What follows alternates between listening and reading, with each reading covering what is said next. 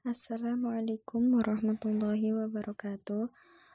Perkenalkan, nama saya Alfiatur Rahmah. Saya di sini akan sedikit bercerita tentang pemikiran dari salah satu tokoh filsuf yaitu Schelling. Nama panjangnya sendiri yaitu Frederick Wilhelm Joseph Schelling atau sering dipanggil dengan Schelling. Lahir pada tanggal 27 Januari 1775 di Leonberg. Ia merupakan salah satu filsuf Jerman yang sangat mengaruhi perkembangan aliran idealisme. Ayahnya sendiri yaitu seorang pendeta dan pengajar orientalis yang taat. Ia mengikuti sekolah Latin di Nurtingen pada tahun 1783 sampai 1784 dan di sanalah ia mulai mengenal Hölderlin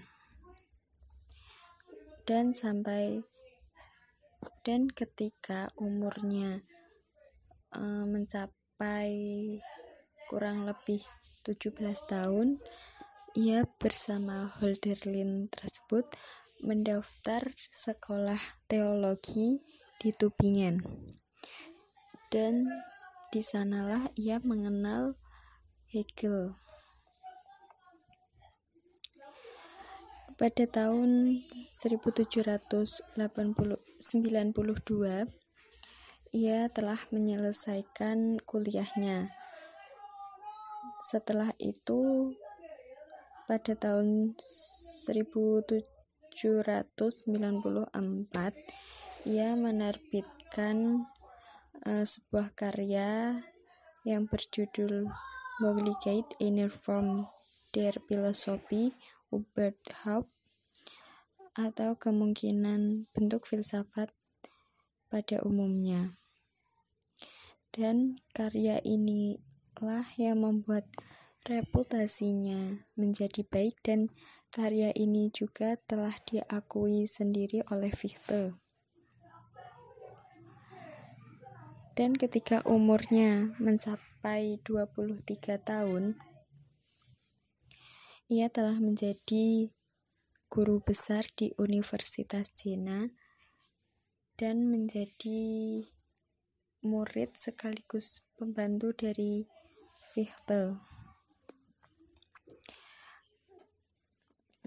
Nah, karena ia mempelajari dua uh, mempelajari dua filsuf yaitu Immanuel Kant dan Fichte maka itu dua tokoh tersebut yang mempengaruhi pemikiran dari Schelling sendiri.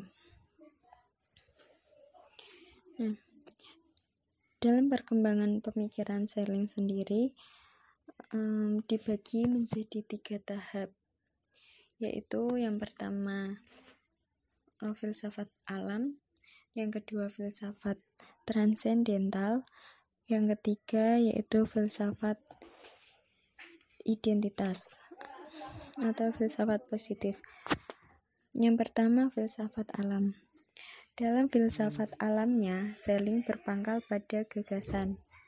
Nah, jika kita mulai memikirkan pengetahuan, maka kita akan membedakan antara objek atau sasaran di luar kita dan menggambarkan objek-objek tersebut secara subjektif dalam diri kita. Nah, jadi dapat kita simpulkan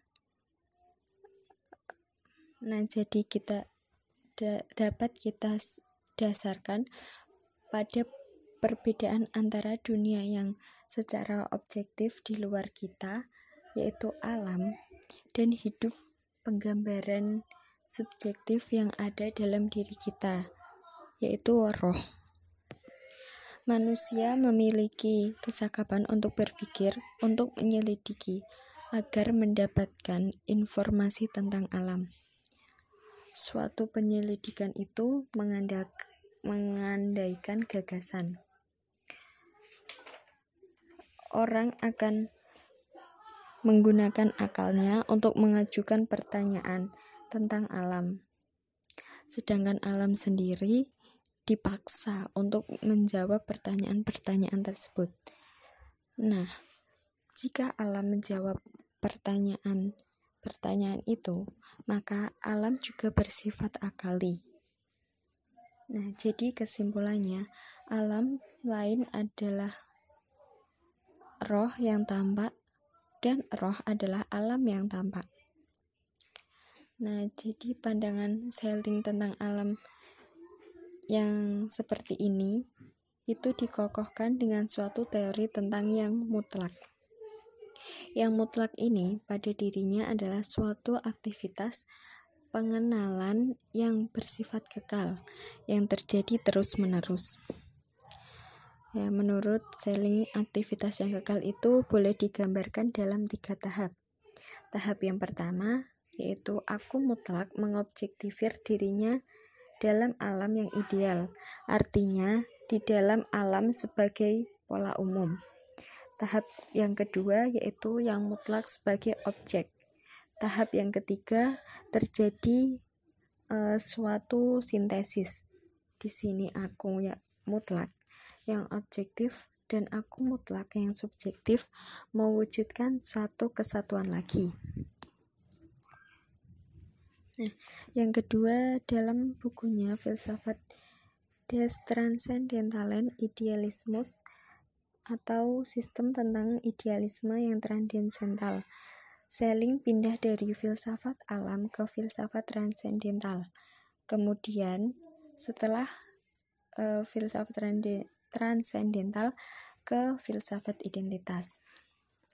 Nah, dalam filsafat transendental dibicarakan bagaimana aku merealisasikan diri sebagai kehendak. Yang dimaksud dengan kehendak adalah suatu aktivitas yang berusaha mengubah yang objektif dengan suatu ideal. Adapun ideal itu tidak lain adalah aku sendiri. Nah, itu cerita sedikit dari saya. Uh, Terima kasih. Wassalamualaikum warahmatullahi wabarakatuh.